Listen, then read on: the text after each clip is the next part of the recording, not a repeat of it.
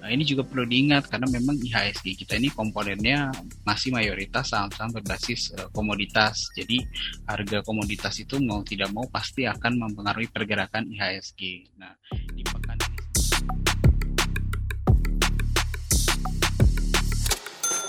Halo halo, kamu mendengarkan Market Movers podcast kolaborasi KBR dan Kata Data yang khusus menghadirkan informasi dan panduan bagi kamu dalam memilih saham terbaik. Kita akan bahas bagaimana outlook market sepekan ke depan, bagaimana strategi investasi, serta apa rekomendasi saham terbaik pekan ini. Juga isu apa saja yang tengah berkembang di market saat ini sehingga perlu jadi perhatian kamu. Bersama saya Ines Nirmala, langsung saja kita mulai.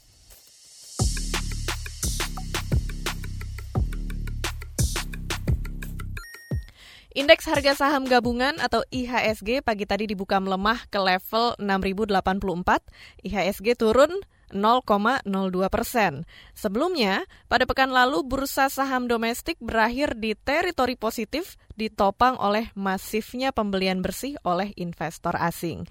Indeks Jumat lalu ditutup menguat 0,11 persen ke level 6.086 poin.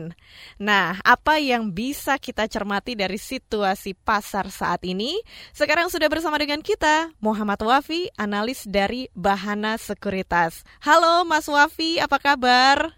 Halo Mbak Ines, kabar baik. Senang sekali bisa mampir di podcast Market Movers dan tentunya kita akan membahas seputar situasi pasar di hari ini dan sepekan ke depan. Boleh deh Mas Wafi dijelaskan apa mhm. yang terjadi pada market sepanjang pekan lalu dan bagaimana prediksi perjalanannya pekan ini?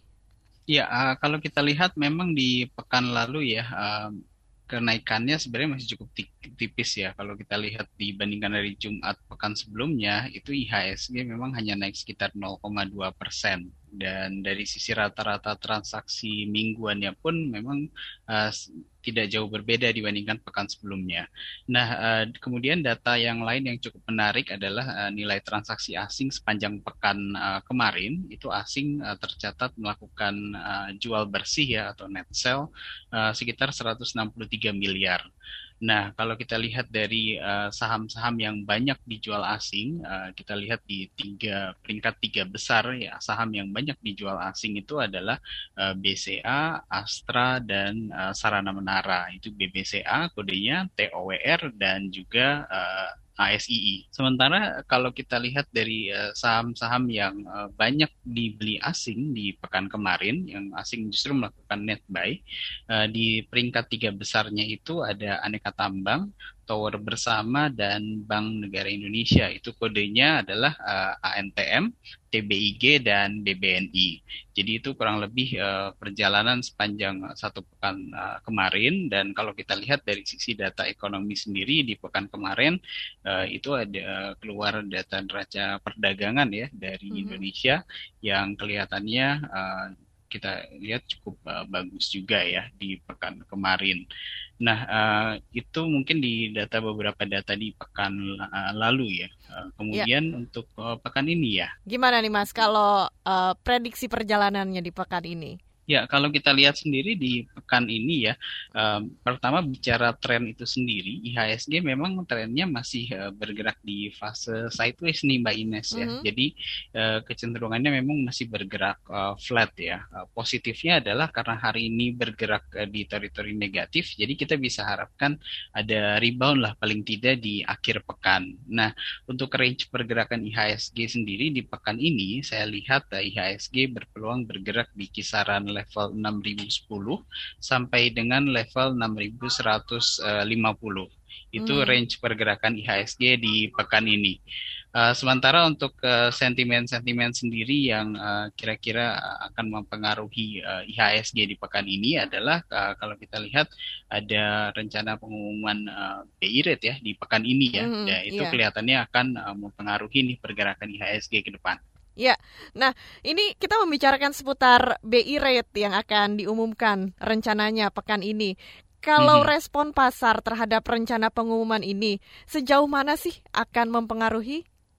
Iya, uh, kalau kita lihat kan uh, sebenarnya dari BI rate sendiri ya, uh, kan belum lama BI Rate uh, melakukan uh, penurunan tingkat suku bunganya ya. Dan uh, kami sendiri memang uh, melihat bahwa BI rate kelihatannya akan tetap uh, berada di level uh, saat ini nih. Jadi belum akan ada perubahan dalam waktu dekat. Jadi kelihatan ya ke depannya itu akan memberikan uh, sinyal atau sentimen yang cukup kondusif lah bagi pasar terutama bagi HSG. Mm -hmm. Dan dari faktor eksternal nih, Mas Wafi, apa mm -hmm. saja yang akan mempengaruhi pergerakan indeks dan uh, adakah sinyal positif yang bakal menopang indeks?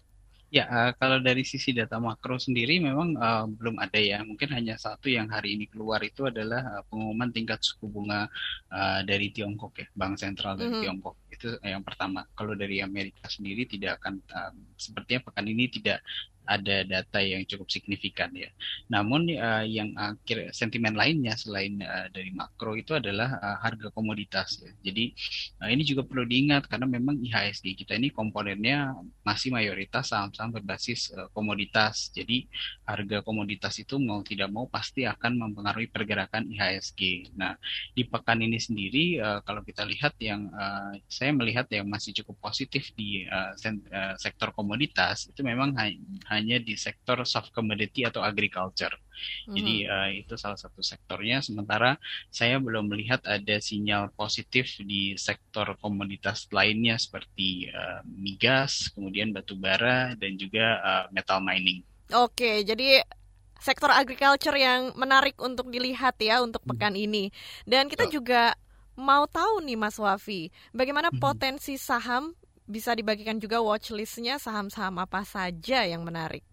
Nah, tadi ya menyambung dari siklus sektoral ya. Hmm. Kalau kita lihat uh, karena pergerakan IHSG yang cenderung sideways, jadi investor ini kebanyakan melakukan uh, switching atau siklus sektoral nih pindah mm -hmm. ke dari sektor yang sudah naik cukup tinggi, kemudian uh, di mereka jual dan kemudian mereka masuk ke sektor yang memang uh, belum mengalami kenaikan. Nah, mm -hmm. sektor yang saya lihat masih uh, istilahnya under value di pekan ini itu yang pertama tadi ada sektor agriculture, yang kedua adalah sektor properti, yang ketiga adalah sektor perbankan. Iya, uh, ada sektor properti, perbankan dan juga agriculture ya, mm-hmm. yang uh, ini menarik siklus sektoral di pekan ini. Dan mm-hmm. juga kalau kita membicarakan tentang bagaimana strategi investasi, seperti apa yang Mas Wafi sarankan uh, di tengah kita membaca situasi pasar di awal pekan ini. Iya, uh, untuk investor jangka panjang sebenarnya tidak terlalu banyak uh, strategi yang bisa diterapkan ya. Jadi um, karena investor jangka panjang uh, tetap uh, stay mereka tetap uh, pilih saham-saham uh, yang fundamentalnya bagus, tidak perlu melakukan strategi perpindahan sektoral dan lain sebagainya. Lalu mereka cukup melakukan averaging buy saja setiap secara berkala setiap periode, entah itu setiap bulan ataupun setiap dua mingguan, karena uh, jangka waktu time horizon buat investasi mereka kan panjang. Nah untuk investor jangka pendek, uh, nah ini saya sarankan memang uh, lebih fokus terhadap tadi switching sektoral, kemudian informasi-informasi, momentum-momentum yang akan terjadi, misalkan yang saya hampir terlupa juga tuh, sekarang kan lagi musim pembagian dividen juga, yeah. jadi dividen juga itu akan menjadi salah satu sentimen tuh yang akan menggerakkan uh, saham-saham yang akan membagikan dividen. Nah di pekan ini sendiri, uh, kalau kita lihat ya, ada beberapa saham yang uh, akan membagikan dividen yang tanggal tanggal kumnya itu di pekan ini. Jadi tanggal kum itu saham itu masih mengandung dividen.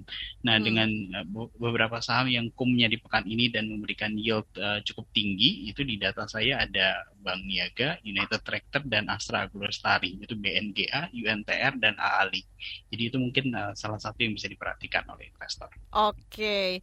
Ya, ini menarik sekali kita sudah membicarakan seputar strategi investasi di pekan ini dan saya ucapkan hmm. terima kasih banyak Mas Wafi sudah membagikan panduannya buat kita.